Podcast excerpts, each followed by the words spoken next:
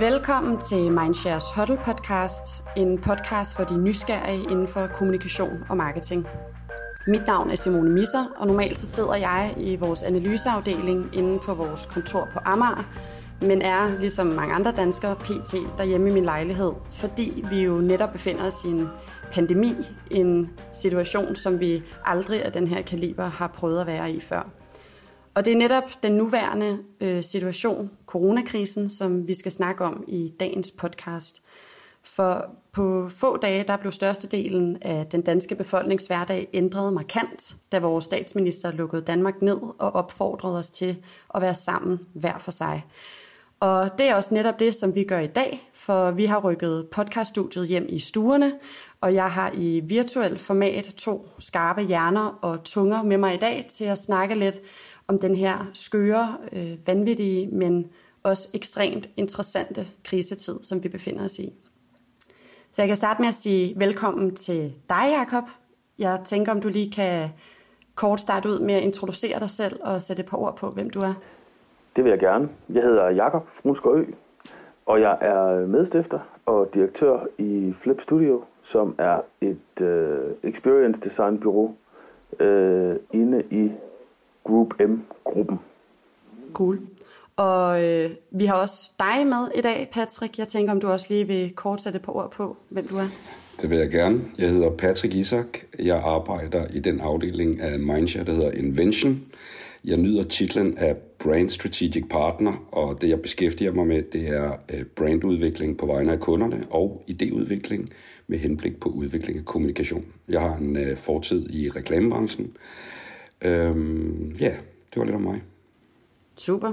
Jamen, øh, tak fordi I har tændt for computeren her i dag og trådt ind i vores virtuelle podcaststudie. Det er jo lidt anderledes, øh, end, end vi gør normalt. Men øh, det står også lidt i tråd om det, som vi netop skal snakke om, fordi at, øh, vi befinder os jo i en, i en situation, som vi ikke rigtig ved, hvor bærer hen.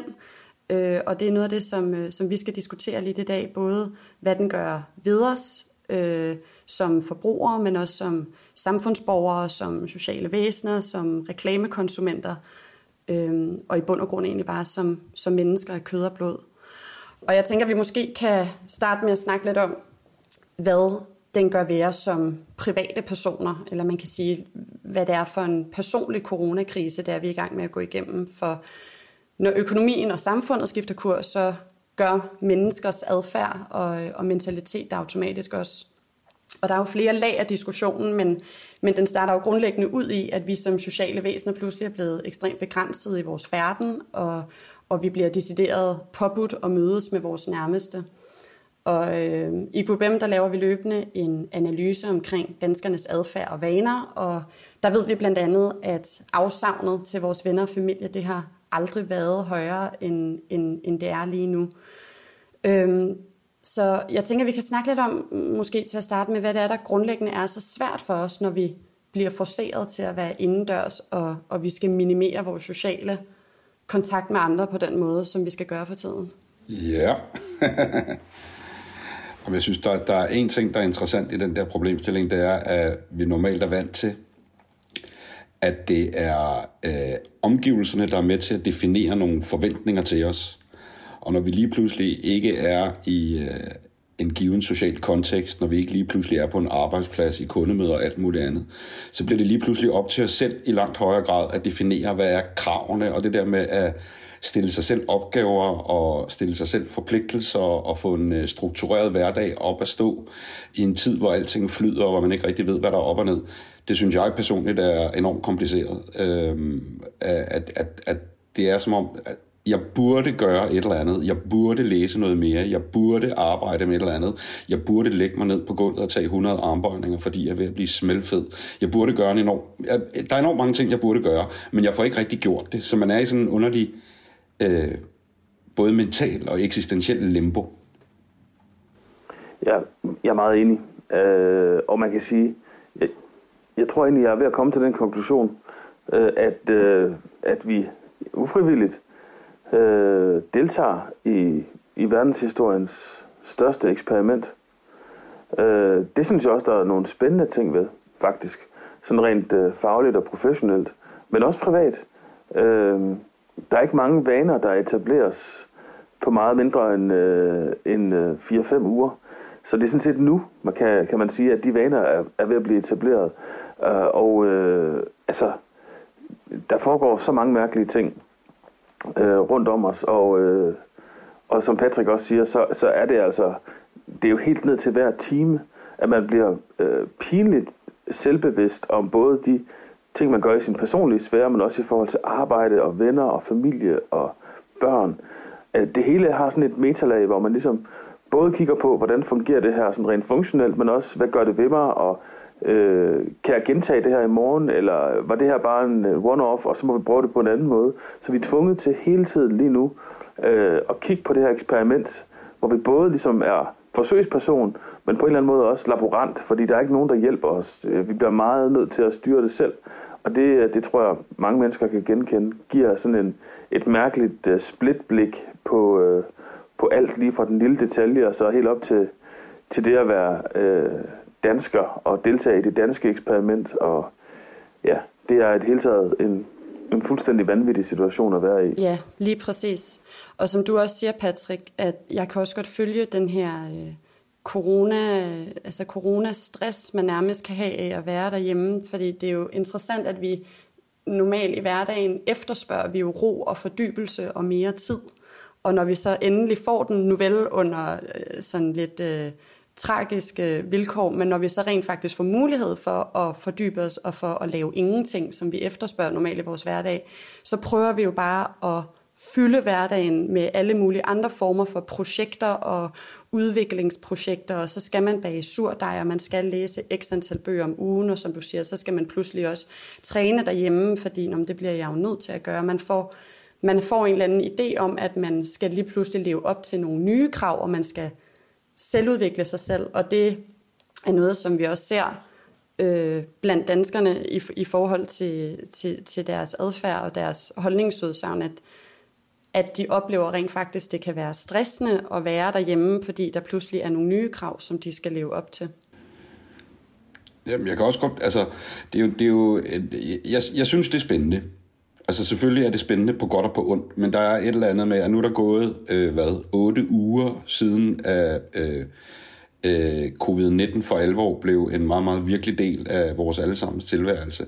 Og til at starte med, det har jeg i hvert fald personligt, så har det været sådan en eller anden form for undtagelsestilstand. Sådan helt en passant kan jeg fortælle, at øh, før corona, der lagde jeg øh, min øh, mobil til opladning om aftenen, jeg gik i seng, og så havde jeg brugt cirka 60-70 procent af batteriet. Nu sætter jeg den til opladning klokken 7 eller 8 om aftenen, og det siger jo noget om det der med hele tiden at følge med, hele tiden at læse. Så kommer der en ny artikel, så er der nyheder, så er der statistikker, så er der diagrammer. Øh, og, og det er jo sådan meget symptomatisk for en undtagelsestilstand. Der er ikke nogen øh, sådan for alvor øh, ro i hverdagen. Og på et eller andet tidspunkt, så erkender man jo, prøv, nu kan jeg ikke læse flere diagrammer, og jeg kan faktisk ikke flere vinkler på covid-19. Og jeg er lidt ligeglad med R-tallet nu, om det er 1 eller 0,6, fordi jeg kan ikke rigtig gøre noget ved det. Og det er lige meget, og jeg, kan ikke, jeg, jeg ved ikke, hvad der er op og ned på, hvad symptomerne med covid-19 er. Og det vil sige, på et eller andet tidspunkt tror jeg, at der for mange vedkommende opnår, øh, øh, opnås en eller anden form for erkendelse af, prøv at høre her, det er sådan et... Øh, et baggrundstæppe, og nu må jeg til at formulere en måde at være på, hvor jeg ikke øh, er i den her stresssituation. Jeg må, jeg må strukturere min hverdag. Nu må jeg virkelig fordybe mig og få læst de der bøger, eller nu må jeg virkelig øh, gøre de der ting, så det ikke bliver øh, sådan noget øh, terapeutisk aktivitet, men det i højere grad tager, øh, øh, får karakter af, det her det er min nye hverdag. Øh, og, og så jeg ikke bliver så, så, så, så, så tyndhudet et eller andet sted, fordi nu orker jeg ikke at være tyndhudet mere. Og jeg synes, det er spændende ligesom at se, hvordan mig og venner og kollegaer og alle mulige andre prøver på at formulere en ny hverdag i den her situation. Det er også det, jeg mener med øh, eksperimentet. Altså, inden for adfærdsdesign, og, og vi arbejder meget med adfærdsdesign øh, i de løsninger, vi laver, der er det sådan en, øh, en øh, en stående joke og en sandhed på en gang, at mennesker øh, konsekvent overvurderer egne evner.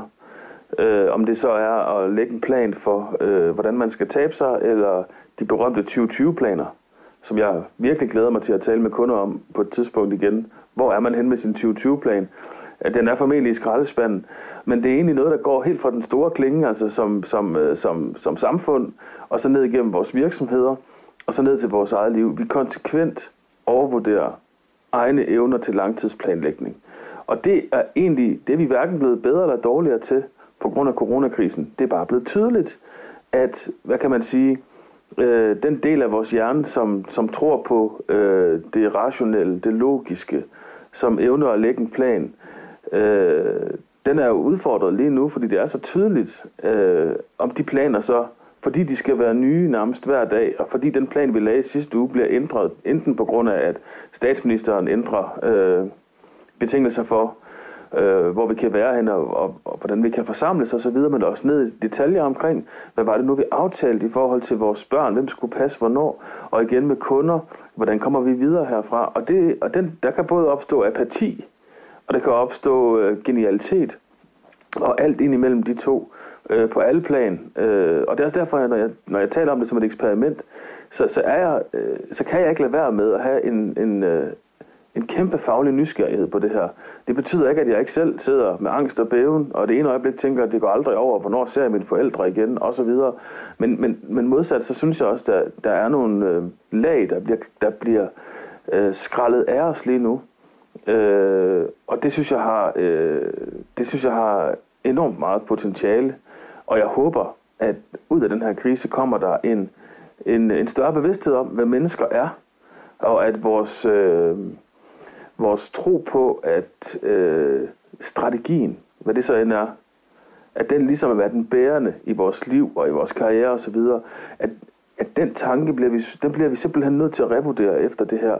Der er så meget mere i mennesker, som styrer og dominerer, øh, når man kigger på, på adfærdsteori. Og, og, og der må jeg bare sige, at øh, der, har vi den empi, der har vi den empiriske dokumentation for de sidste otte uger, og vi kommer til at se meget mere af den, af den slags øh, efterfølgende. Det, det, nu nævner I hvad siger du, Nej, jeg synes, det er et meget godt billede, Jakob kommer med af, af, af, af den her øh, krise. Skralder lag af os. Øh, altså, det er et enormt godt billede, faktisk. At vi ligesom kommer ind til noget, der minder om en kerne. Det kan godt være, at det er en illusion, men ikke desto mindre. Altså det der med, at der ligesom øh, opstår en eller anden form for væsentlighedskriterie for, hvad der er meningsfuldt øh, her. Ikke?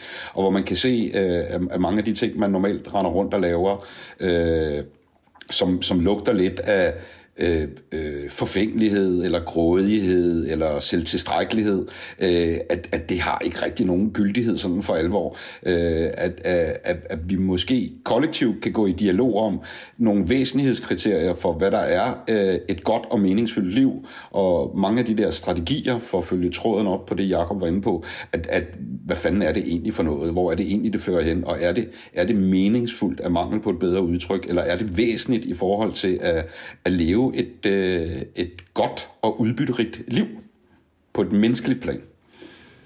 Nu nævner I begge to øh, lidt noget i stil med det her med, at, at den måde, som vi, som vi prøver at forudse fremtiden på, ikke længere er gyldig, fordi vi netop ikke kan forudse fremtiden for tiden. Vi har jo ikke en jordisk chance for at vide nærmest, hvad der sker i morgen, og i hvert fald slet ikke om to måneder eller om et halvt år.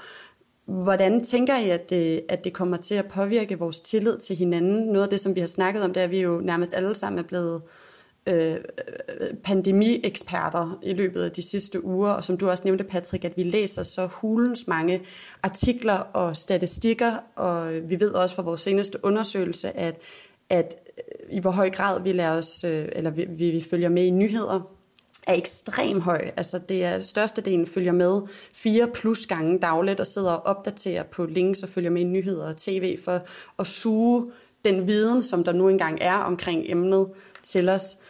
Men hvordan tænker I umiddelbart, at det, at det kommer til at påvirke den tillid, som vi har til hinanden, og, og, og, og den, øh, altså den måde, som vi tilegner os information på, når der netop ikke er nogen, der ved noget? Jeg synes, det er, det er, et, super spørg- det er et super godt spørgsmål. Ikke? Og altså, man, altså jeg, jeg tror, alt det her, vi taler om, har ligesom en trend og en modtrend i sig. Øh, og det er faktisk noget af det, jeg personligt bliver mest irriteret over for tiden. Det er, øh, når, når nogen, øh, ligesom i den her periode, prøver ligesom at skære et meget tydeligt øh, snit og siger, sådan her bliver det. Øh, dermed ikke sagt, at man ikke kan sige noget, sådan mere konkluderende om tillid. Man kan, man kan tale om det som et forbrugerindeks, og der er det jo helt klart, at det falder. Det er jo sådan et økonomisk udtryk for, tør vi bruge penge, eller tør vi ikke? Og det, det, det kan man jo diskutere meget kort, fordi forbrugertilliden er faldet. Men så er der en anden ting, der er super interessant. Det er, at tilliden til eksperter og stat er, gen, er genfundet. Øh, og, og, og uden at, at komme sådan for meget ned i den politiske del af den, så, så, så har vi jo et opgør helt tilbage fra Anders Fogh Rasmussen i 2001, hvor der var sådan et, et, et, et, øh, et, et opgør med, med eksperter. Og, og der er der jo bare kommet nye eksperter på banen. Søren Brostrøm, for nu at nævne en. Øh, og der er en lang række andre eksperter. Altså nogen, som rent faktisk har noget substans. Fordi den substans har en betydning for os personligt. Og, øh, og, og der er det jo skræmmende at se, øh, at folk jo på tværs af verden søger substans og de søger at skille substans og sensation fra hinanden. Og når det så ikke kan lade sig gøre som det mest grælde eksempel, nemlig i USA, når præsidenter simpelthen ikke formår at skille øh, substans og sensation fra hinanden, fordi han, hans substans er ligesom sensationen, så kan man se i målinger direkte bagefter, at selv hans egen vælgerbase bliver enormt negativt påvirket af det. Men, jeg, men altså, så tilliden til eksperter og stat er genfundet næsten i sådan en 50'er version. Vi sidder alle sammen og kigger på, på dronningen, det har vi gjort hele tiden, men med voldsomme seertal, og vi sidder og kigger på statsministeren, og vi sidder og kigger på Søren Brostrøm, og gud ved, om vi ikke også begynder at kigge på nogle andre eksperter, øh, også lidt mere uden for øh, covid-19 øh, sådan, øh, område. Men man, det kunne man, man kunne også lægge en anden vinkel og sige, øh, vi er, vi er af biologiske årsager tvunget til at vise tillid til vores ledere, og det kan man jo også se af ledere over en bred kamp, uanset om de er totalitære, småfascistiske eller kommer fra repræsentative demokratier, så nyder de stor gunst for øjeblikket, fordi at vi som befolkning er paralyseret. Vi aner ikke, hvad vi skal gøre i den her situation. Og så må vi bare deponere vores tillid hos lederen, indtil... Øh, øh, ny, en ny situation opstår. Og du kan sige, at vi lever i øh, et samfund, hvor tilliden til myndigheder, til institutioner, til systemet, øh, måske er en af de højeste i hele verden. Og jeg tror, vi alle sammen øh, er utrolig glade for, at vi bor i Danmark, og eksempelvis ikke øh, øh, i Brasilien eller i Ecuador eller nogle andre steder øh, hvor tingene ikke ser øh, særlig gode ud. Men på et eller andet tidspunkt, så begynder diskussionen jo også at opstå. Det er for eksempel nu her, hvor øh, erhvervsministeren i Danmark får nogle ordentlige hug, fordi nu er det ikke længere baseret på substans nødvendigvis, og den tillid, som de tror, de kan kapitalisere på, er ved at rende ud. Der er en masse mennesker, der siger, ho, ho, ho, ho, hvad er det lige, der sker her? Så, så på et eller andet tidspunkt, når man går fra det rent faktuelle til at udnytte sin øh, myndighed eller sin magt som myndighed, så begynder der også at ske noget. Og jeg, jeg giver dig ret i, at tilliden til eksperter, når vi snakker inden for, øh, hvad skal vi sige, naturvidenskabelige discipliner, altså Søren Brostrøm og company, når vi snakker de medicinske eller biologiske faktorer bag covid-19, øh, og folk inden for sundhedsmyndigheder og øh, øh alle regulativerne om at holde afstand og spritte af osv., det tror vi på. Men når erhvervsministeren siger, at IKEA de er dumme, fordi de åbner op, selvom det er fuldstændig lovligt, så begynder vi at grunde, eller mange af os begynder at grunde. Ikke? Så, så jeg synes ikke, det er sådan 100% entydigt længere. Jeg er meget enig. Man ser også, jeg ved ikke om I, jeg ved ikke om I så, at der øh, i går uh, var en, en, en dansker, en dansk mand, som valgte at afholde en demonstration, vel at mærke kun ham alene, uh, ved at sætte sig ned uh, på Islands Brygge, uh, som jo uh, her for et par dage siden blev, blev lukket af, fordi at man mente, at der var for mange mennesker, der samlede sig. Og han havde, han havde meldt det, og, så det var en, en, en lovlig demonstration, men brugte det ligesom som et middel. Det virkede jo absurd, at han så sad der ene mand på et bordbænkesæt nede på Islands Brygge. Men brugte det jo også som et middel for netop at, at vise sin modstand mod nogle af de, altså man kan sige, den, den, den hårfine kunst kommer jo netop nu, når vi begynder at lukke op, fordi der pludselig er rigtig meget politik også, der spiller ind længere. Det er ikke længere, at vi selvfølgelig skal afspritte vores hænder, men, men det, det får et mere politisk greb også i forhold til, hvordan filen vi så får åbnet landet op igen. Øhm, så jeg, det bliver også rigtig interessant at se her den næste stykke tid, synes jeg, hvordan at danskerne, som ellers har udvist ekstremt stor øh, positivitet over for Mette Frederiksen og for Søren Brostrøm. Det viser undersøgelser jo, at Mette har aldrig været mere populær, end hun er for tiden. Det bliver rigtig interessant at følge, når, når situationen pludselig bliver mere kompleks og måske også mere politisk, hvordan holdningerne til autoriteterne så måske udvikler sig derfra. Og så kan man sige, at tillid er i en kommersiel sammenhæng. Altså tillid til, til, til de brands, som, øh, som vi godt vil øh, købe noget af. Øh, den, den diskussion er der jo altid. Øh, og jeg synes faktisk, øh, før krisen, at der var en tendens til, øh, at, at diskussionen omkring, øh, hvad der skaber tillid mellem et brand og en forbruger, var på vej ud på et sidespor. Øh, og det har den været lang tid. Og jeg tror personligt på, at, øh, at spørgsmålet om tillid, øh, både meget funktionelt, men også meget emotionelt, øh, i sådan en brandmæssig, kommersiel sammenhæng, bliver enormt, enormt essentiel for, hvilke brands, der klarer sig godt efter krisen. Og bare for at give et ultra lille eksempel på, hvad tillid kan være. Vi ved også fra den analyse, som GroupM har lavet, for eksempel, og det er jo meget naturligt, at, at, at købet af takeaway går op. Så hvis man ser på sådan en app som øh, Volt, som øh, de fleste i større byer kender nu, så har de sådan et lille element i deres kundeoplevelse af tillid, som er, at der på et tidspunkt i bestillingsflowet står, at nu er der et rigtigt menneske, der har set og taget stilling til den bestilling. Det kan virke som sådan en næsten lille, ubetydelig UX-element. Men sådan nogle små ting, sådan nogle små detaljer, der hele tiden øh, er det, som man i min verden kalder sådan servicebeviser på, at jeg ved, jeg har din ryg, jeg er med dig, jeg ser dig, og, øh, og vi flytter nu din ordre fra noget øh, systemmæssigt, og så til, at der er et menneske, der har håndteret den. Sådan et lille, lille servicebevis på tillid, det bliver sindssygt afgørende, fordi langt efter den her krise er forbi, så er mennesker jo også, så har vi en eller anden øh, øh, posttraumatisk stress er måske voldsom, men vi er i hvert fald i alarmberedskab, og det vil vi være langt ind i 21. Så derfor de der bitte små elementer af tillid, der lige markerer, at vi faktisk er okay, det har en kæmpe kommersiel betydning. Og der er sindssygt mange brands derude, som overhovedet ikke har øjne for det, og slet ikke arbejder med det i dag. Og de kommer altså de kommer på noget af en arbejdsopgave, fordi vi har som øh, mennesker og som forbrugere et langt, langt større behov for de der små beviser øh, på grund af øh, corona. Men det er jo meget, altså det er jo, øh, altså det eksempel, øh, du kommer med der, at man ligesom forstår, at øh, det så du er på en app og det er en digital platform, så er det altså individer øh, af kød og blod, som står og øh, sørger for, at din ordre, den, den bliver gennemført. Øh, der er det her begreb øh, resonans, altså når noget resonerer øh, i, i forhold til din virkelighed og i forhold til din virkelighedsopfattelse.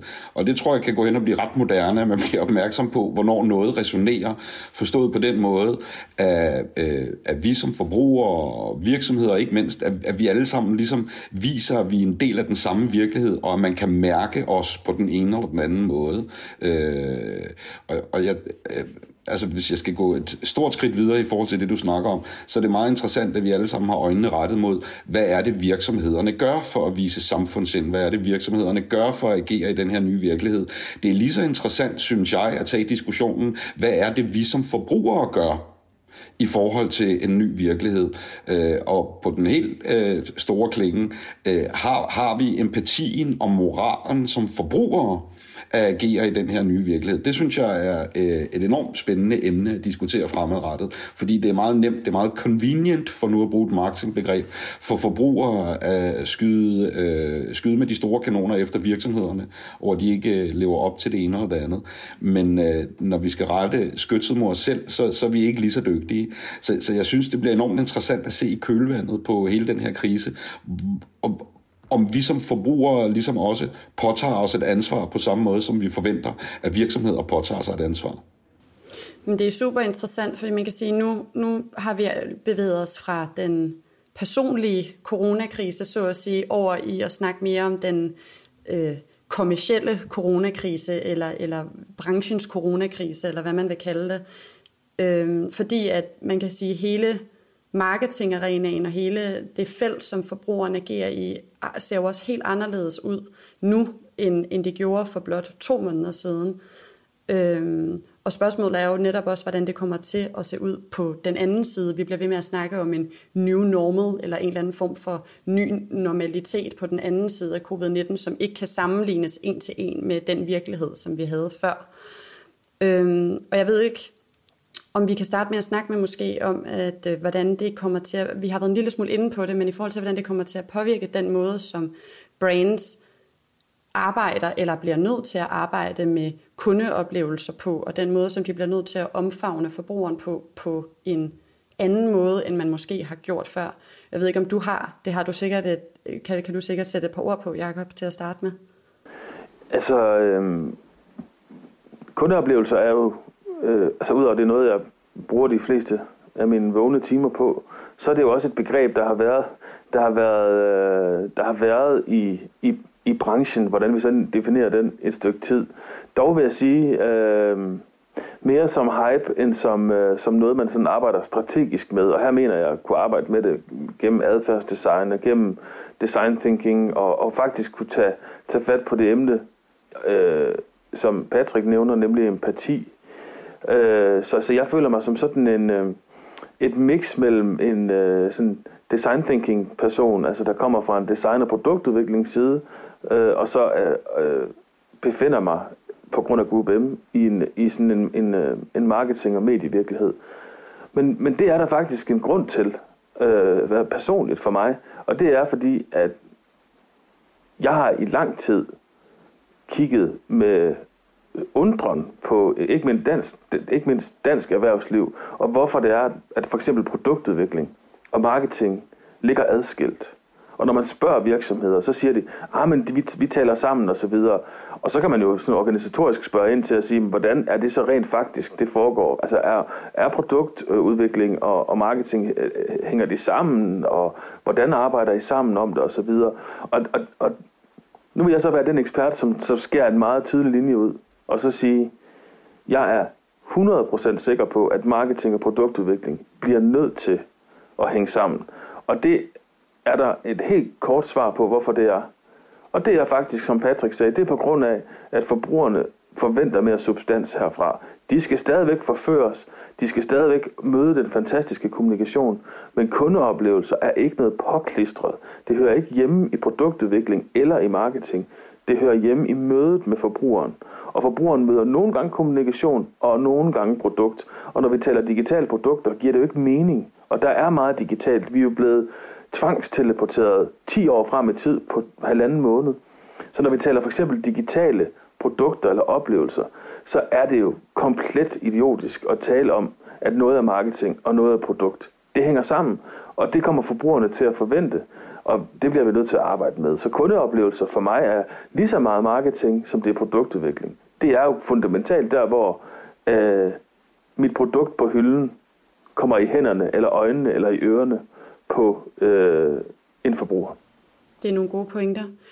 Hvordan, øh, hvis vi skal hoppe over til dig, Patrick, som, øh, som gavet reklamemand, hvordan kommer det til at ændre vores tilgang til, du er også lidt inde på det, Jacob, men vores tilgang til reklamer og kommunikation på et generelt plan? Man kan sige, øh, vi befinder os jo i en tid, hvor at, øh, der er rigtig mange, der har sat alle former for marketingaktiviteter på hold, eller har udskudt det. Øh, nogle på grund af finansielle årsager, og nogle måske mere på grund af, at man føler, at det ikke er det rigtige tidspunkt at, øh, at kommunikere om andet end, end krisen. Men, men hvordan ser du på det, og hvordan tænker du, at det kommer til at påvirke tilgangen til reklamer, måske ikke lige nu her, men også på længere sigt, når vi befinder os i en eller anden form for ny normalitet? det, er et super stort spørgsmål. Ja. Altså, jeg tror på længere sigt... Det er store snakke, på længere sigt, så tror jeg... ja, på længere sigt, så tror jeg... Øh, ikke, at vi skal være blinde over for, at pris betyder noget, og derfor, selvom vi snakker om en ny normal, så vil der være en del af den reklame, der bliver udviklet, som stadigvæk er øh, hvilket er et besynderligt ord i den her sammenhæng, unødigt kommercielt, hvor det simpelthen handler om at skubbe nogle varer over disken. disken. Pris, meget taktiske budskaber. Forsvinder det? Nej, selvfølgelig gør det ikke det. Øhm, øh, omvendt så tror jeg, at der vil være flere virksomheder og flere forbrugere forhåbentlig, som, som et eller andet sted vil kigge på altså på brands på en lidt anden måde. Og, og når vi snakker brands, så, så er det bare den der, altså min idé om en virksomhed, eller min idé om en ydelse. Det er det, jeg mener om brand i dag.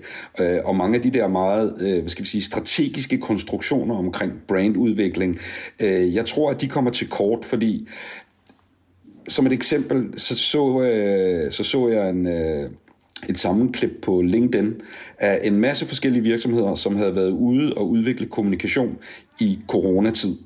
Øh, og det var så et fiffigt væsen, der havde klippet øh, scener fra alle de her forskellige reklamefilm, fra alle de her forskellige virksomheder sammen, hvor ordet together var der. Og det var øh, alle uden undtagelse øh, sagde Together, og alle brugte den samme lidt melankolske, indfølende klaverbaggrundsmusik øh, for virkelig at give udtryk for, at de forstod den her svære situation, vi var i. Og der er det, øh, som Jakob også var inde på, altså at sige, men det er jo en kommunikationsstrategi. Det er ikke en værdi. Det er ikke noget, jeg står på, fordi jeg mener det. Jeg gør det her, fordi der også er en, øh, et, øh, et, en, øh, hvad skal vi sige, et, et kommersielt motiv bag. Og så begynder det at blive lidt problematisk. Jeg tror, vi ligesom skal vågne op, eller det håber jeg, til en ny form for øh, øh, modenhed i vores bevidsthed om det at markedsføre, der handler om, at vi forstår, er meget banalt sagt, vi alle er i samme båd. Altså det der med, at der er nogle virksomheder, der kører et parallelspor i forhold til samfundet, hvor det handler om at slynge en masse varer over disken, og der er nogle forbrugere, der skal købe og være grådige og forfængelige og, og, og, og bruge penge som snot. Altså det er ikke fedt mere. Det virker sådan underligt øh, og gammeldags, anachronistisk nærmest. Øh, at, at det kunne være det kunne være spændende, og det kan godt være, at det er ønsketænkning, det her, med at vi forstår øh, ligesom the fabric of society. Vi kan ikke klare os uden virksomheder, de opfylder nogle reelle behov, men omvendt, skal der være en proportionalitet i forhold til de behov, vi så har. Vi som forbrugere øh, skal agere på en måde, der er ansvarlig i forhold til, at øh, virksomheder ikke producerer unødigt meget. Og alt. Altså det er ligesom, der er en sammenhæng mellem tingene, som jeg håber på kommer til at krystallisere sig her på den anden side. Øh, at virksomheder forstår, ligesom når Jakob snakker om, Jamen, øh, marketing og produktudvikling skal selvfølgelig hænge sammen. Jamen, virksomheder og samfund skal selvfølgelig hænge sammen. Forbrugere og virksomheder skal selvfølgelig hænge sammen. At det bliver en mere organisk, velproportioneret sammenhæng, der kommer til at opstå i kølvandet på det her. Og det siger jeg samtidig med, at jeg også siger, at selvfølgelig i den anden ende vil der også være et frådende forbrug, der egentlig bare fortsætter, hvor vi slap i februar 2020.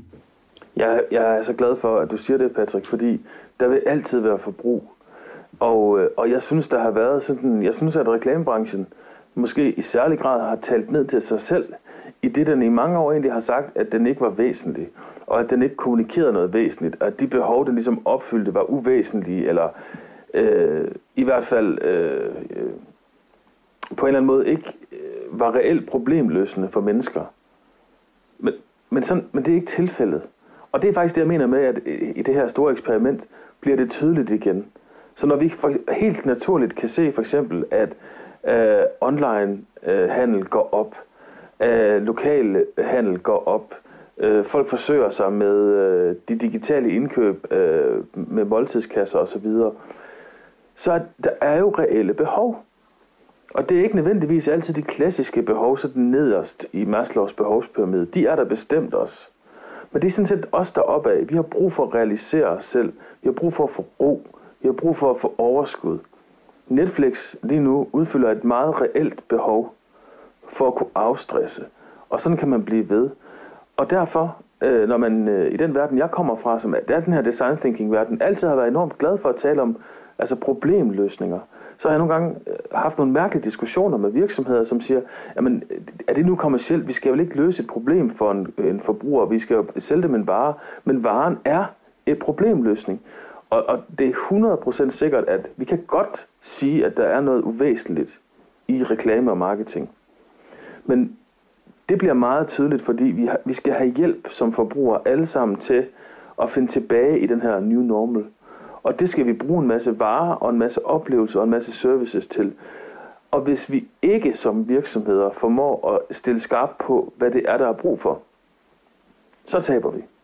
Så der er en skillelinje mellem væsentligt og uvæsentligt.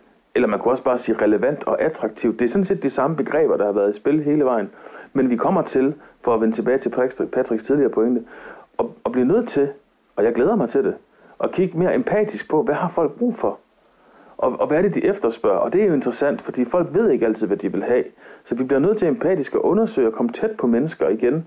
Øh, og, og sådan et, et, et, min, min egen øh, forventning til sådan, øh, det er sådan mere sådan en branchespecifik ting.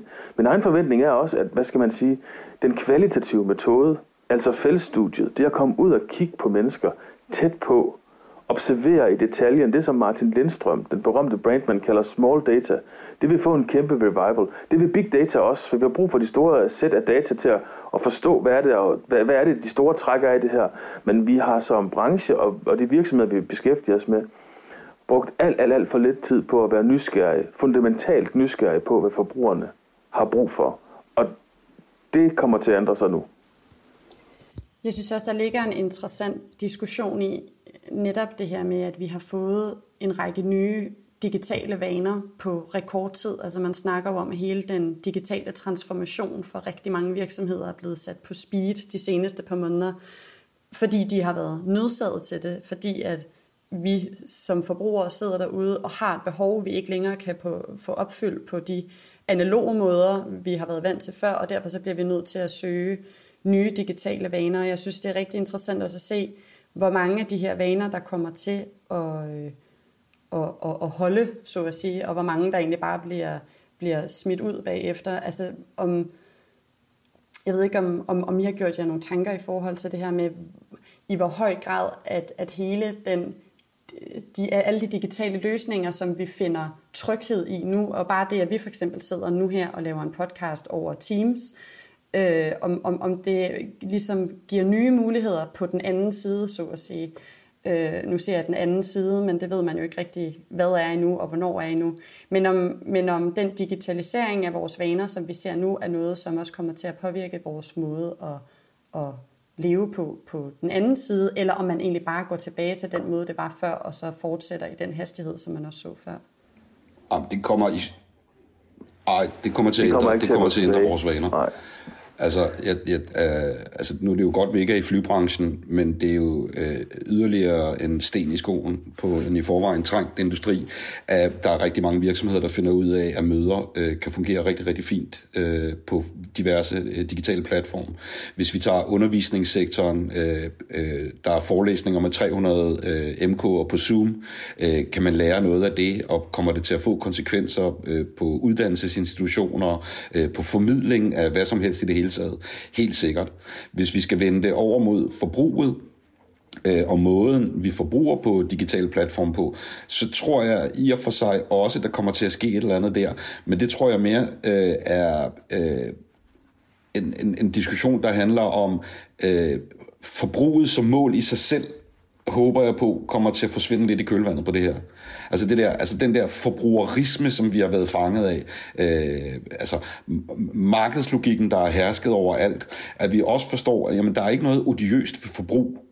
Der er ikke noget odiøst ved det, vi laver. Folk skal forbruge, folk skal købe ting, folk har behov. Øh, men at se på forbruget som et mål i sig selv, hvor det bare handler om at skubbe en masse varer over disken, jeg tror også, der kommer til at ske noget der, sjovt nok den anden vej rundt, fordi vi diskuterede før det her væsentlighed, væsentlighedskriterie. Øh, og alle den her verdens, øh, øh, jeg ved ikke, hvad det hedder, wisher og, og, og steder, hvor man kan købe ting til 10, 20 og 30 kroner på nettet. Jeg tror, jeg ved det ikke, jeg tror, at der vil ske et eller andet i den sammenhæng, at vi også vil overføre væsentlighedskriterier til den måde, vi forbruger på øh, på digitale platforme. Jeg tror, det er rigtigt. Og øh, at den vinkel der, Patrick, den der, synes jeg, den er, den er, den er nemlig vildt interessant. Altså, og, øh, og hvis jeg bare lige tager et skridt til baglæns ind i den igen, altså så, øh, jeg har sådan en helt konkret oplevelse øh, fra, øh, fra få dage siden, hvor jeg øh, gik en tur med en af mine unger på Frederiksberg Allé, øh, og, øh, og høre, overhøre, selvfølgelig med to meters afstand, to ældre damer, to ældre damer øh, af den frederiksbergske type, i intens diskussion, intens diskussion om, hvad der er bedst, om det er Zoom eller Skype. Og der har vi jo beviset på det. Øh, det, det er jo, jeg var fuldstændig målløs, og, øh, og øh, jeg er helt ved siden af mig selv resten af den tur. For, fordi det, det fortæller jo noget om, hvor voldsom den transformation, og hvor hurtigt den er sket. Øh, og det er, som Patrick siger, fordi der er et reelt behov. Og der er jo sikkert et behov, jeg kender jo ikke den her sammenhæng, men det kan jo sagt, jeg gætter på, at det behov jo er, at de er isoleret i særlig grad, og måske ikke kan se deres børnebørn eller børn. Øh, men det er bare første skridt. Næste skridt er, hvordan kan de se hinanden? Så alt vores forestilling om målgrupper og hvad, hvad der er relevant for hvem osv., øh, når, vi kommer, når det kommer til det digitale, det, det, det, det kan jeg i hvert fald ikke forestille mig, øh, hvordan det ser ud om bare, bare et, par, et par måneder. Så det digitale vil få en kæmpe, kæmpe stor betydning. Det havde det jo i forvejen, men det, det har det fået nu. Af præcis de årsager, som Patrick nævner. Så er der en anden ting, og det er lidt tilbage til den her med trend mod trend. Øh, jeg har altid synes det var vildt fascinerende at arbejde i krydsfeltet mellem det fysiske og det digitale. Og jeg tror, at jeg glæder mig til at se, hvad, hvad der er tilbage af det fysiske. Og her mener jeg sådan offline, har vi også kaldt det for. Lad os bare tage et helt konkret eksempel. Butikken. Øh, hvad er der tilbage af den? Udover at den skal have etableret en fundamental fysisk tillid til, at jeg som forbruger så komme tilbage i butikken. Det kan gøres lige nu med noget sprit og noget afstandsmarkering. Men hvad om to måneder, tre måneder? Hvad er der tilbage for mig som forbruger? Hvorfor skulle jeg gå ud og handle fysisk i en butik? Og jeg siger ikke, at det ikke er relevant. Jeg siger netop, at det er relevant. Men jeg tror, vi kommer til at genopfinde også hele den, den fysiske dimension af øh, for eksempel butikker øh, på en måde, som, øh, som vi slet ikke ved, hvordan er lige nu. Det synes jeg er, er voldsomt interessant. Du har nok ret i, altså på samme måde som vi alle sammen har hudsult, som det så smukt er blevet coinet, så, så har vi vel også øh, en, en, en jamen, det er lige før man kan kalde det for butikssult. Altså det der med rent faktisk at gå rundt øh, et fysisk sted og kigge på nogle varer, eller det behøver ikke at være varer, det kan også være at sidde over for en ven eller en kollega og drikke en kop kaffe på en café, eller gå ud og spise, altså det fysiske sted. Øh, øh, altså der er jo et stort savn der, men, og, og jeg tror, at til at starte med, øh, så vil det være det, at vi er Øh, øh, vi vil gerne støtte de lokale handlende, vi vil gerne gøre det ene og det andet, men jeg tror desværre, at det er en romantisk forestilling, at det så vil blive ved det, fordi øh, i og med, at vi har opdaget, hvor meget der kan lade sig gøre på digitale platformer, rigtig mange mennesker, som før i tiden måske har haft øh, barriere i forhold til at agere på digitale platforme, dem, dem er de blevet tvunget til at overvinde nu, og de har fundet ud af, gud, jeg kan sgu godt øh, have relationer jeg kan godt gå til øh, digital fredagsbar med kollegaer eller venner, eller øh, øh, øh, nogle... Øh, altså, jeg, vi sad og skålede med venner i Italien her øh, for en uges tid siden, en øh, fredag aften, og vi havde det enormt hyggeligt. Det er klart, det er en sølle substitut for at øh, sidde ved siden af dem øh, og lugte den samme duft og kigge på de samme oliventræer. Men vi sad ved siden af, øh, vi sad, altså, vi sad og kiggede over øh, på hinanden og grinede og lavede jokes, øh, ligesom vi plejer at gøre.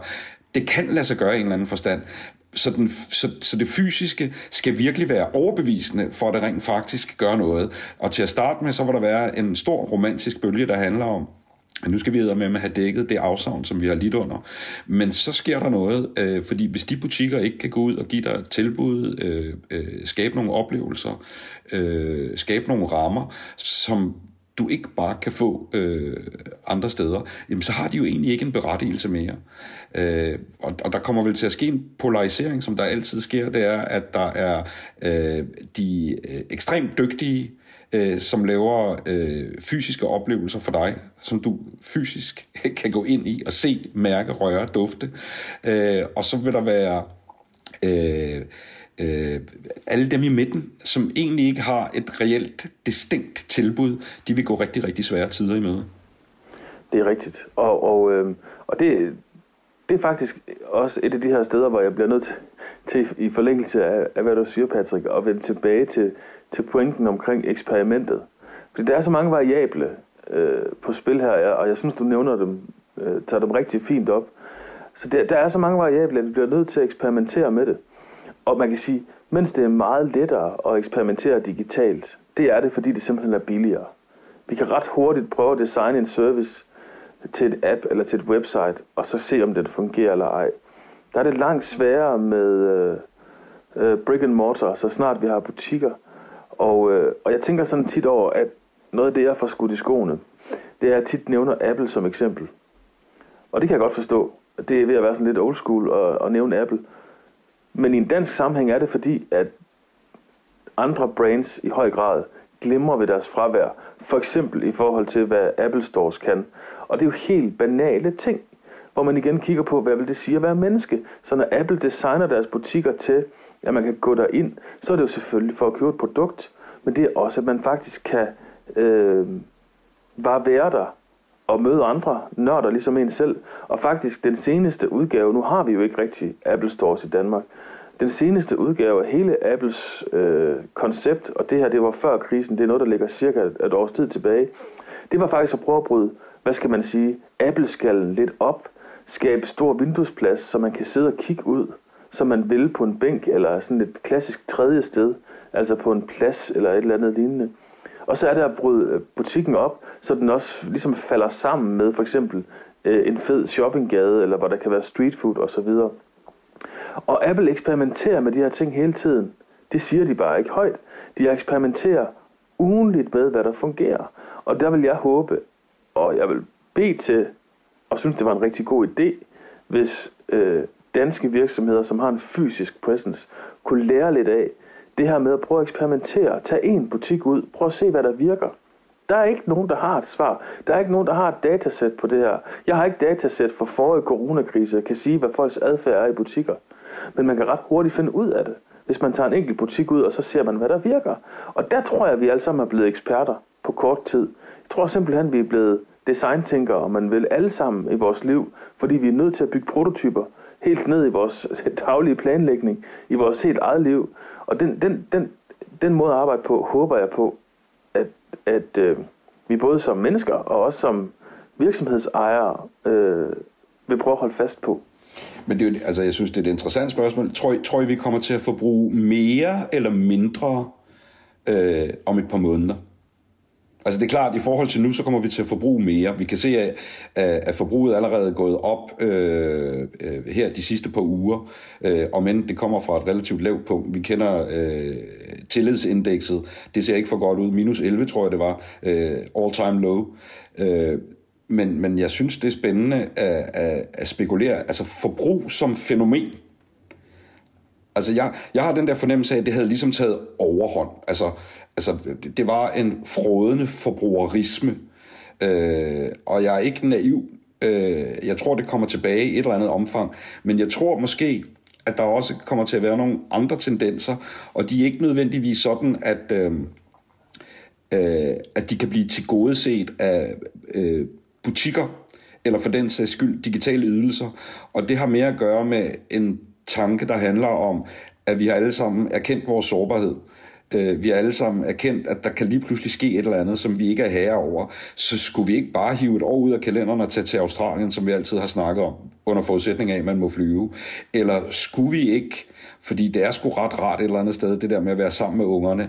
Lege øh, den tanke, at vi begge to har halvdagsarbejde, fordi så kan vi lige få det til at løbe rundt. Til gengæld vil der i så fald ikke være så meget mønt til at forbruge for. Tror I ikke, der kommer til at ske en masse af den slags ting, en masse modkulturer, der opstår i kølvandet på det her, hvor folk og det er tilbage til væsentlighedsdiskussionen, ligesom siger, prøv at her, hvad fanden skal vi købe alle de der ting for? Hvad, øh, er, det ikke, er, det ikke, er det ikke skækkere, at vi køber det der lille hus på landet, og så laver vi bundengården? Eller, eller er det en romantisk forestilling? Jeg er lidt i tvivl om det selv, men jeg tror i hvert fald, der kommer til at ske noget på den front der.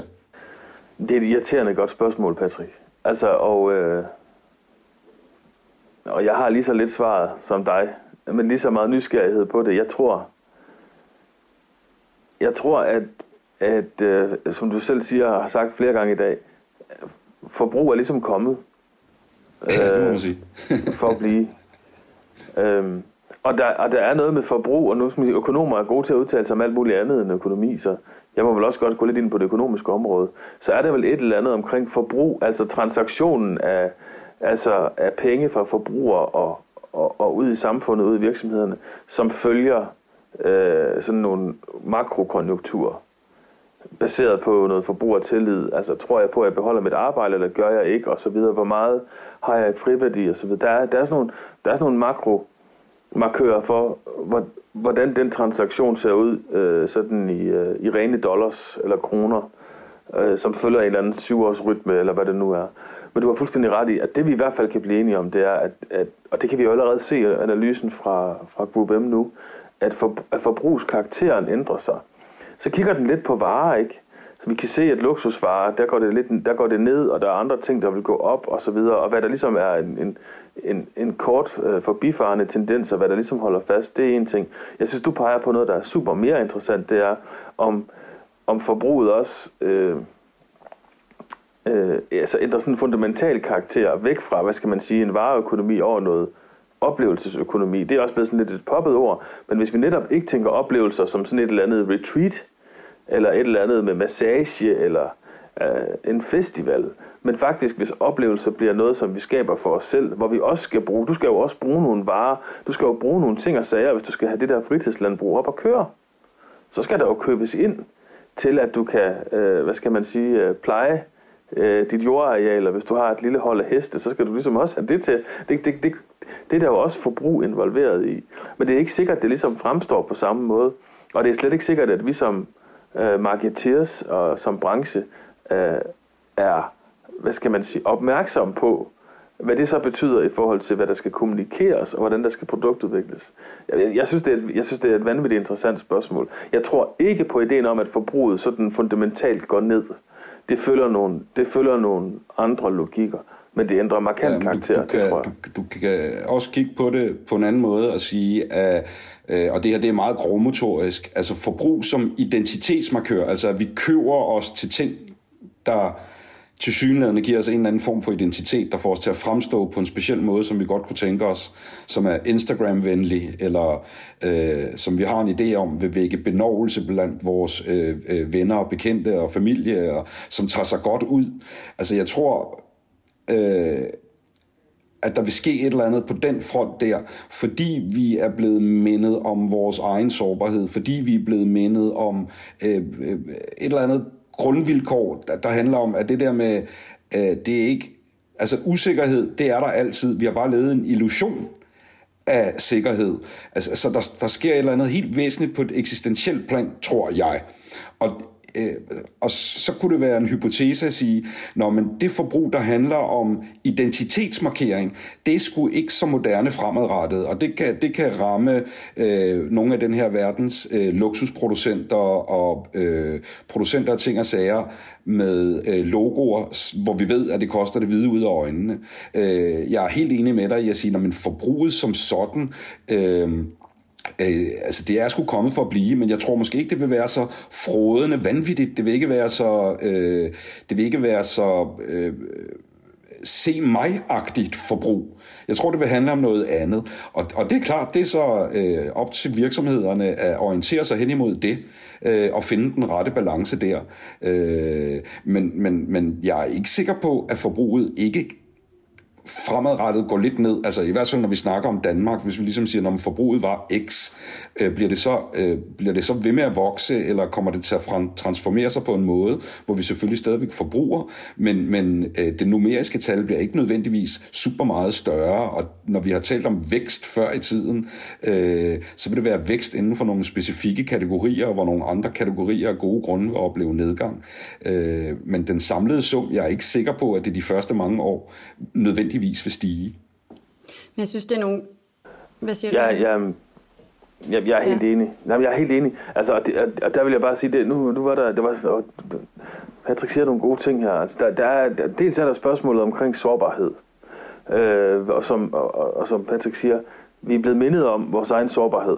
Individuelt og som samfund og som verden. Og igen er der trends og modtrends i det, fordi øh, det kan vi også prøve at tale om lidt senere måske, hvad den her nationale identitet og så videre. Men altså, det jeg vil sige, det er, at den her diskussion omkring bæredygtighed, den kan jeg allerede se nu begynder at dukke op. Og bæredygtighed er jo sådan noget, vi kunne, det kunne vi også øh, bruge en hel podcast på at snakke om. Men hvis vi nu bare lige ser på bæredygtighed i sådan et økonomisk perspektiv, så, øh, så er der jo øh, det øh, indeks for øh, ECG-aktier. Øh, altså det, øh, det står for Environmental, Social og Governance. De tal har jo ikke coronakrisen med, men de har 2020-tal med, og de viser jo markant, at brands, altså aktier, som ligger inden for øh, ECG, de klarer sig markant bedre. Så den trend, der var med bæredygtighed, og hvad det også betyder for øh, reduceret vækstmål, den vil fortsætte. Jeg har en af mine kunder, en, en meget, meget, meget stor producent på, på verdensplan, øh, går til sin bestyrelse, og så siger han, vi kommer ikke til at levere de vækstmål fremadrettet. Det fortæller han mig i, i projekt, vi sidder med, øh, og bestyrelsen siger faktisk, det forstår vi godt, Øh, der skal selvfølgelig være et positivt afkast. Og det er sådan op på den store klinge. Og det, det er jo klart, det er jo fordi, at den, den pågældende virksomhed her ligesom har set gennem analyser, hvad der sker, at forbruget øh, vil falde. Øh, det betyder ikke, at det ikke er en, en, en god forretning i det, så Patrick har jo fuldstændig ret.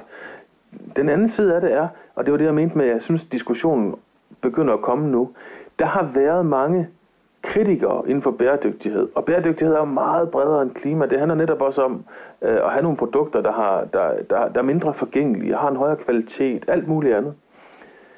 Skal vi nu gå tilbage til noget, altså har vi råd til ligesom at tage en bæredygtig vej igennem det her? Og til det må man bare sige, ECG-aktieindekset er et eksempel, og der er masser af andre eksempler. De virksomheder, som skulle forfalde til, fordi kassen er halvtom eller heltom, at gå væk fra den strategi, de måske og forhåbentlig var inde på omkring bæredygtighed, dem der ligesom smutter væk fra den strategi, de får kæmpe slag inden for de næste to år. Det tager jeg godt garantere, og det bygger på, hvad Patrick siger, og det er fordi forbrugerne er på den rejse. Og det kan godt være, at de har færre penge, men det, for, det forstærker bare den her bæredygtighedsrejse, de er på. Så køber jeg ikke to øh, græsslåmaskiner, så køber jeg en, og så sikrer jeg mig, at den fungerer godt. Og når jeg så skal kigge på den længere, og min nabo skal snakke med mig endnu mere om den, så kunne jeg egentlig også godt tænke mig, at dem, der havde produceret den, opført sig ordentligt, og så videre, og så videre. Så den, den trend, den kommer til at få fuld speed på. Det er ikke engang en diskussion, det kommer den til. Det har du fuldstændig ret i, Jacob. Og øh, det var faktisk en af de ting, jeg, jeg tænkte, jeg ville lige måske kunne, kunne åbne op for, for snakken omkring. Det er netop det her coronaparadox, har jeg hørt, at der er flere, der kalder det. For man kan sige, en ting er, som I begge to også pointerer, at vi nok kommer til at øh, revurdere vores forbrugsvaner. Vi kommer til i højere grad at tænke over måske, hvad det er for nogle typer produkter, vi køber, eller, eller hvor det er, vi lægger vores penge henne. Men der er jo også noget i forhold til, hvordan det kommer til at påvirke den sådan generelle kollektiv adfærd i forhold til vores forbrugsvaner, altså i forhold til vores bæredygtighed, eller hvad hedder det, vores bæredygtige vaner, og den måde, som vi behandler vores planet på via vores forbrugsvaner. Øhm, jeg læste forleden, at der er blevet estimeret, hvor mange mennesker, eller hvor mange menneskeliv, der er blevet reddet øh, direkte, eller hvad man kan sige, af coronakrisen i kraft af, at vi forurener mindre, end vi gjorde før. Og det var en ekstremt interessant diskussion, fordi det er, jo, det, er jo, det er jo ekstremt paradoxalt og på en eller anden måde også en lille smule mobilt, når vi befinder os i, i en krise så stor som den her, og der er så mange døde, som der er, at man så kan bruge et ordsprog, der hedder, om der er ikke noget, der... Altså, altså det, det, det, det er også godt for noget andet, kan man sige. Og, og, og der synes jeg, der ligger et ret interessant diskussion i, om det, at man pludselig kan, øh, kan, kan se bjerge i Indien, man ikke har kunne se før på grund af forurening. Det, at øh, satellitbilleder over Kina og, øh, og deres øh, CO2-udledning pludselig nærmest er gået fra altså øh, abnorme mængder til ingenting. Det, at man kan se en gobbel svømme rundt i Venedigs kanaler, om det kommer til at påvirke vores forbrug, eller, eller måske mere også generelt bare vores bevidsthed i forhold til den måde, vi lever på. Øh, på vores planet, og hvordan fremtiden kommer til at se ud. Fordi når vi befinder os i en krise som den her, hvor at, øh, hvor at øh, den, den, den står meget pludseligt, og så ser vi også, at der bliver taget rigtig mange initiativer, og vi handler meget akut på det. Og der er jo netop nogle bæredygtighedsaktivister, der har været ude og råbe højt om, hvorfor er det, vi ikke kan handle på den måde i forhold til den bæredygtighedskrise, vi står overfor, eller den klimakrise, vi står overfor. Men det er jo fordi, vi som mennesker ikke rigtig på længere sigt kan overskue de konsekvenser, der kommer om 50 år eller om 100 år, versus når vi befinder os i en krise som den her, kan vi i højere grad forudse den katastrofe, der vil være om en måned eller om to måneder, og derfor så kan vi handle hurtigere på det. Men jeg tænker på, om, om I kunne give et par ord på, hvordan I tænker, det ligesom vil komme til at påvirke vores kollektiv adfærd i forhold til, hvis vi skal starte med at ligesom kigge på bæredygtighedsperspektivet, og, og om, og om det kommer til at påvirke det på længere sigt, eller om vi egentlig bare kommer til at gå tilbage til, til ja, vores frødseri, som du næsten kalder det, Patrick. Det mener du jo sådan ikke, at vi, at vi kommer til at gøre på samme måde. Jeg tror altså... Øh jeg mener, vi froser. Øh, det gør jeg. Altså, jeg, jeg tror, øh, du er nødsaget til at holde et, øh, et, et dansk perspektiv og så et globalt perspektiv på det spørgsmål. Fordi det siger sig selv, at øh, vi er nogle forkælede røvhuller, der sidder i vores designermøbler og har den her snak i et ekstremt velfungerende samfund. Øh, og så kan vi øh, øh, øh, klappe hænderne i fryd over, at indbyggerne i Punjab kan se Himalaya igen øh, for første gang i 30 år, eller hvad det er, de nu kan se. Jeg kan ikke huske det. Øh, hvor er det enestående, hvor er det fantastisk. Men de mennesker... Øh, er jo ikke, øh, hvad skal vi sige, borgere i et lige så øh, sofistikeret, veludviklet samfund som vores. Øh, så selvfølgelig har de krav på en vaskemaskine på et eller andet tidspunkt. Selvfølgelig har de krav på øh, mange af de goder, som vi tager for givet. Øh, vi ville i hvert fald være underlige, hvis vi ikke undede dem det. Øh, kommer det til at betyde, at, at der kommer til at være forbrug over en bred kamp, og at det ikke nødvendigvis er specielt bæredygtigt? Ja, det gør det noget skal der gøres. Herhjemme, altså for os danskere over en bred kamp, tror jeg faktisk, det kommer til at have en betydning, forstået på den måde, og Jakob var inde og berørte det lidt. Ting, der kan repareres, bliver moderne.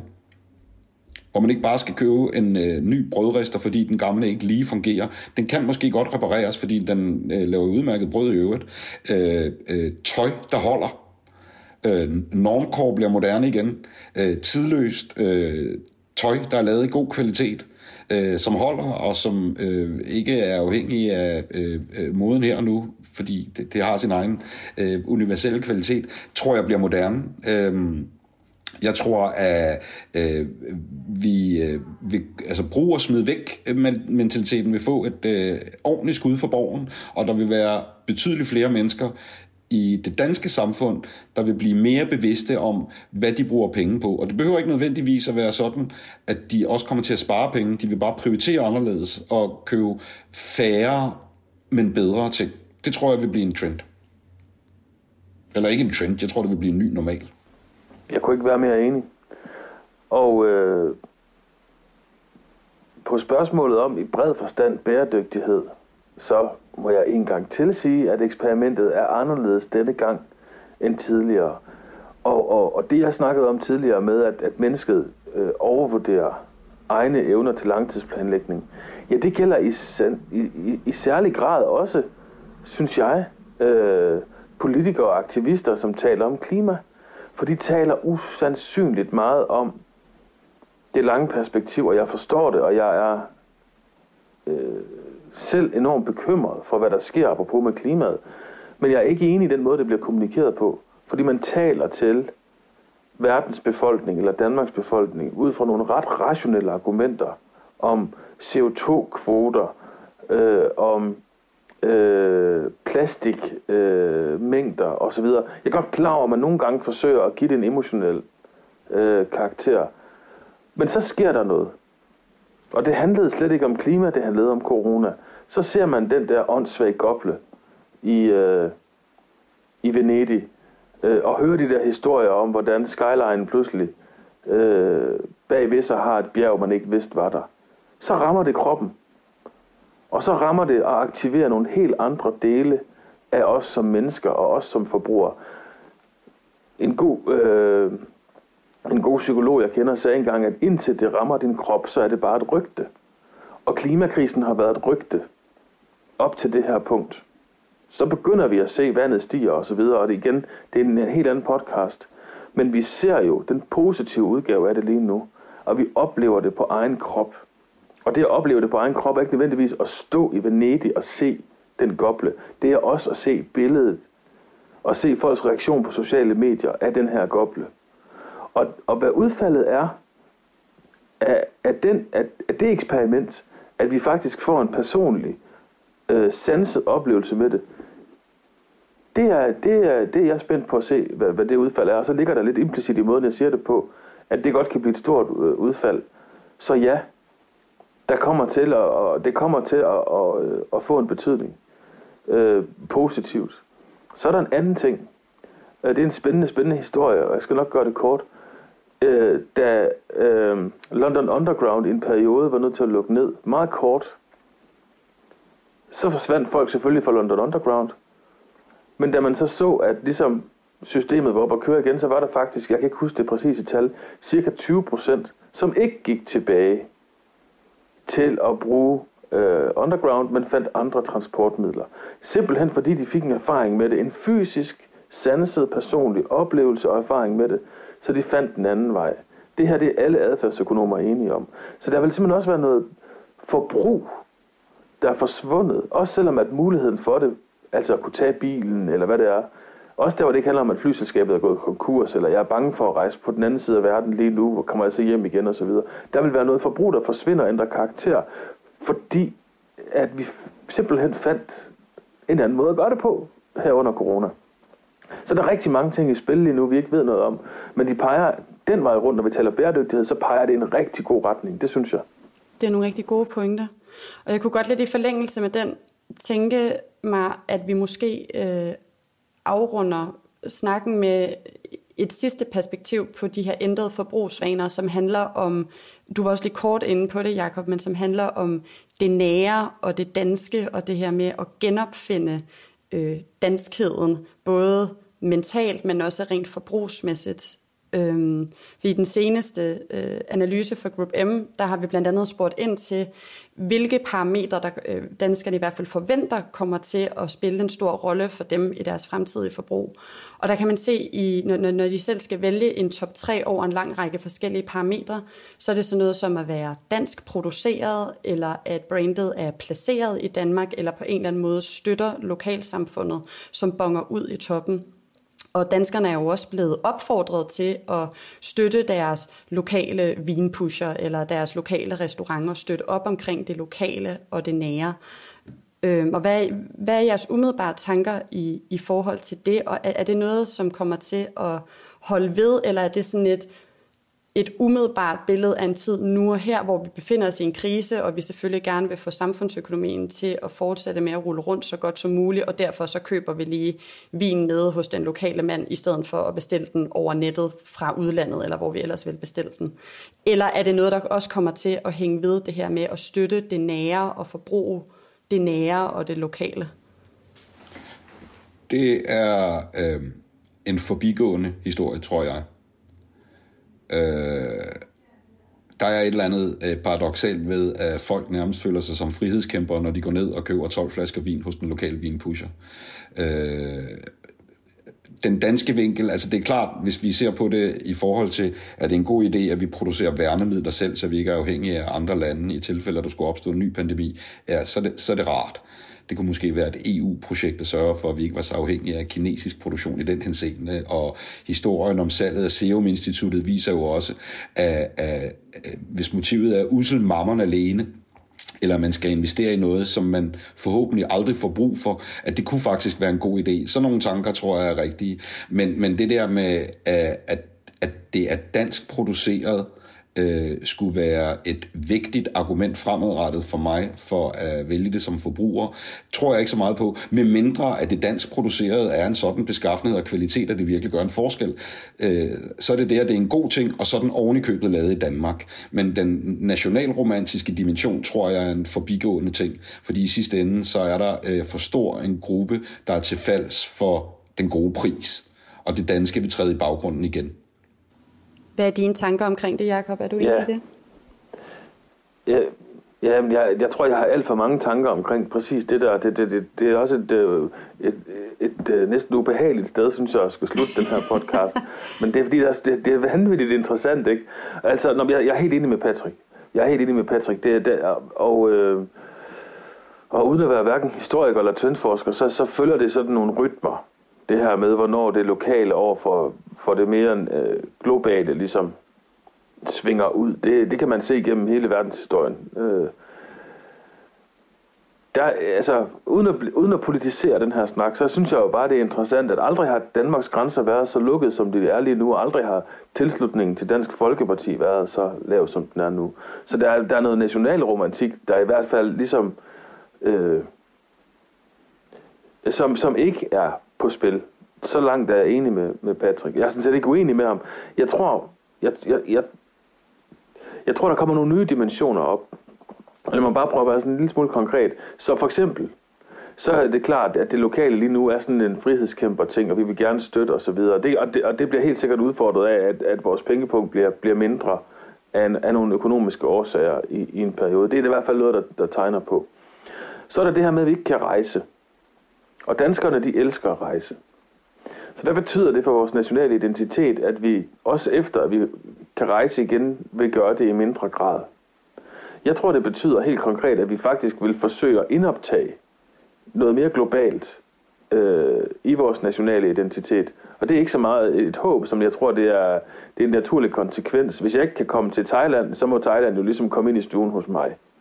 Så det vil betyde noget for øh, mode og produkter og alt muligt andet. Samtidig med, og det er den her trend modtrend hele tiden, at det lokale og det danske har fået en betydning, og vi er blevet gladere, gladere roffer, eksperter osv. sikkert. Øhm, men, men jeg tror, vi kommer til at tage det eksotiske, det globale mere ind i Danmark. Og så er der sådan en helt fundamental ting her, som er, at vi har også fundet ud af, at det her med at have en national strategi, ikke nødvendigvis er en super god idé. Altså, vi har jo fundet ud af, hvor meget vi hænger sammen med resten af verden. Øh, og det er jo helt sådan tilbage til Wuhan, og så sker der noget med en lille flagermus derovre, og så påvirker det også her. Og hvad skete der egentlig på den der mærkelige øh, afterskibar i Østrig, og de der fløjter og så videre. Det er sådan meget hardcore lige nu i forhold til sygdomsspredning. Men jeg tror, vi alle sammen har fået bevidsthed om, hvor meget vi egentlig går på tværs. At der skal en forretningsmand til fra Kina, som er vist nok i Østrig eller Italien på ski, og så går det derefter. Og der, der, der tror jeg, at danskerne og resten af verdens befolkning er kloge nok til at forstå, at vi har en enorm afhængighed, afhængighed af hinanden. Og hvad det så gør for vores nationale identitet, forhåbentlig det, der er sket gennem verdenshistorien, i, i alle nationalstater, vi bliver sindssygt påvirket af øh, alt det, der sker øh, rundt om os. Og jeg ved ikke, om I kan huske, jeg tror, vi nærmest er blevet blinde for, hvad der skete lige inden coronakrisen. Der var den her store SAS shitstorm med, hvad det er, vi ligesom tager med udefra. Prøv lige at tænke over det en gang til. Øh, jeg tænker kærligt på SAS i de her dage. Jeg håber virkelig, de klarer den. Men det er da bare super interessant. Så hvad er det, vi, har, hvad er det, vi bringer med til Danmark ude fra verden af? Og tror, er vi ikke lidt gladere for det nu, hvor vi faktisk ikke kan komme derud? Det er måske sådan lidt lommefilosofi fra min side af, men jeg, jeg tror i hvert fald ikke, det er ensidigt. Og jeg tror, vi, jeg tror, vi kommer til at se en ny national identitet. Den kommer bare ikke til at følge noget, vi har set tidligere. Ja, som du siger, globaliseringen bliver jo malet lidt, altså malet tydeligere for os, både på godt og på ondt i kraft af netop, at når, når, når der er en lille genetisk fejl, der sker i Wuhan, så, så er hele verden, inklusiv øh, lille hyggelige Danmark, pludselig blevet lagt ned af det. Øhm, så det er jeg også enig i. Jeg synes, det, det, det, det tror jeg, der ligger noget rigtig interessant i, og det tror jeg også kommer til at påvirke den måde, som, som vi også måske tænker, eller kommer til at tænke danskhed fremover. Ja, så bliver det jo bare interessant at se, om det går i den retning, som, som Patrick peger på. Altså det er en, en, en nu og her romantisering af, af danske værdier og, og dansk produktion, eller om det, om det går tilbage til, nu, nu siger jeg, hvad vi er vant til, men, men en ny normalitet, eller hvad man vil kalde det, men hvor, at, hvor at den så bliver afromantiseret igen, og vi går tilbage til mere øh, globale forbrugsvaner, som vi jo har været vant til øh, øh, før. Ja, altså man kan sige sådan rent, altså det er jo igen i forhold til, når, nu har jeg siddet meget også tidligere med produktudvikling. Øh, der er ikke nogen CEOs, der tør satse på at have en supply chain, som går hen over øh, et par kontinenter. Sådan har det jo været i dag. Sådan er det i dag. Så får du produceret og sourcet i øst og vest med meget, meget, meget store afstande. Og der er der jo nogle helt konkret er der jo nogle virksomhedsejere der, der har fundet ud af, at det, det, det var lidt ligesom at trække verdens tyndeste kabel på tværs af verden. Et eller andet sted på et tidspunkt er der en eller anden, der har en saks og klipper det over. Og det er sket. Så folk har ikke kunne få deres varer hjem, og, og det tænker man rigtig meget øh, ude i virksomhederne lige nu. Og det er sådan en, en, en dimension, vi, vi ikke rigtig har drøftet i dag. Men så det har, der er sådan rent funktionelt, at, at virksomhederne kommer til at trække deres produktion hjem. Øh, og hjem er jo så ikke defineret af Danmark, men er i hvert fald defineret af, af noget, hvis vi er i Danmark, er det nok i højere grad defineret af noget europæisk, og det er ikke noget, jeg har en sådan dybere viden om, det er bare, det er det, jeg ligesom kan, eller det er det, jeg hører meget tydeligt fra de virksomheder, jeg arbejder med, at det der supply chain monster, man har fået skabt for at kunne øh, reducere med øh, x procent, det, den går ikke længere. Og det betyder selvfølgelig noget for, for opfattelsen af, øh, at Danmark, også som øh, produktionsland, det har vi jo aldrig været super, super stærke i, kan man sige. Vi har jo ikke hverken øh, biler eller råvarer osv. Men alligevel, så kommer det til at påvirke, øh, påvirke øh, både virksomhederne, men også forbruget. Det gør det 100%. Og, også en, øh, og, og helt tilbage også til en, en, en identitet omkring det nationale. Det tror jeg. Vi kan jo øh, snakke i mange, mange timer omkring det her emne. Det er jo næsten udtømmeligt, vil jeg sige. Øh, især også fordi, at vi kan give vores bedste bud på, hvordan det kommer til at se ud, og, og hvordan vi mener, at den her nye normalitet ser ud, men vi ved det jo i grunden ikke. Øh, så vi kan jo nærmest tage en daglig snak om det, og så kan det være, at, at tingene har ændret sig, eller der er nye perspektiver på det. Men, øh, men jeg synes for nu, at vi er, er kommet meget godt rundt om både den personlige coronakrise, øh, hvordan det påvirker os som, som privatpersoner, som sociale væsener på, på individniveau, og så også på et mere kollektivt niveau, også i forhold til vores forbrugsvaner. Hvordan ser branchen ud? Hvordan øh, kommer kommunikation og, og reklame til at blive påvirket af, af covid-19 og den måde, som det påvirker samfundet på? Afslutningsvis både i forhold til den kollektive bevidsthed, øh, den kollektive danskhed og, øh, og vores forbrugsvaner på sådan et lidt mere global plan. Øh, så jeg synes, at øh, det er jo det er store tanker, vi har gjort det i dag, men, øh, men jeg synes, at vi har fået snakket om nogle rigtig interessante ting, og så bliver det jo bare spændende at se, hvordan tingene udvikler sig i morgen, og om en uge, og om et år. Og det er jo desværre kun noget, som, som vi pt. kan snakke om, og ikke sætte to streger under. Men jeg vil i hvert fald gerne takke jer begge to for, at øh, I havde lyst til at tage en snak om, øh, om det emne, som alle jo snakker om i dag, men, men men som der stadig er rigtig, rigtig mange interessante diskussioner omkring. I lige måde, tak. Ja, en fornøjelse. Tak. Og så må I, øh, så må I jo passe på jer selv, og huske at holde to meters afstand. Og øh, så forhåbentlig så ses vi jo også snart inde på, øh, på kontoret igen i en eller anden ny form for hverdag. I lige måde. På gensyn.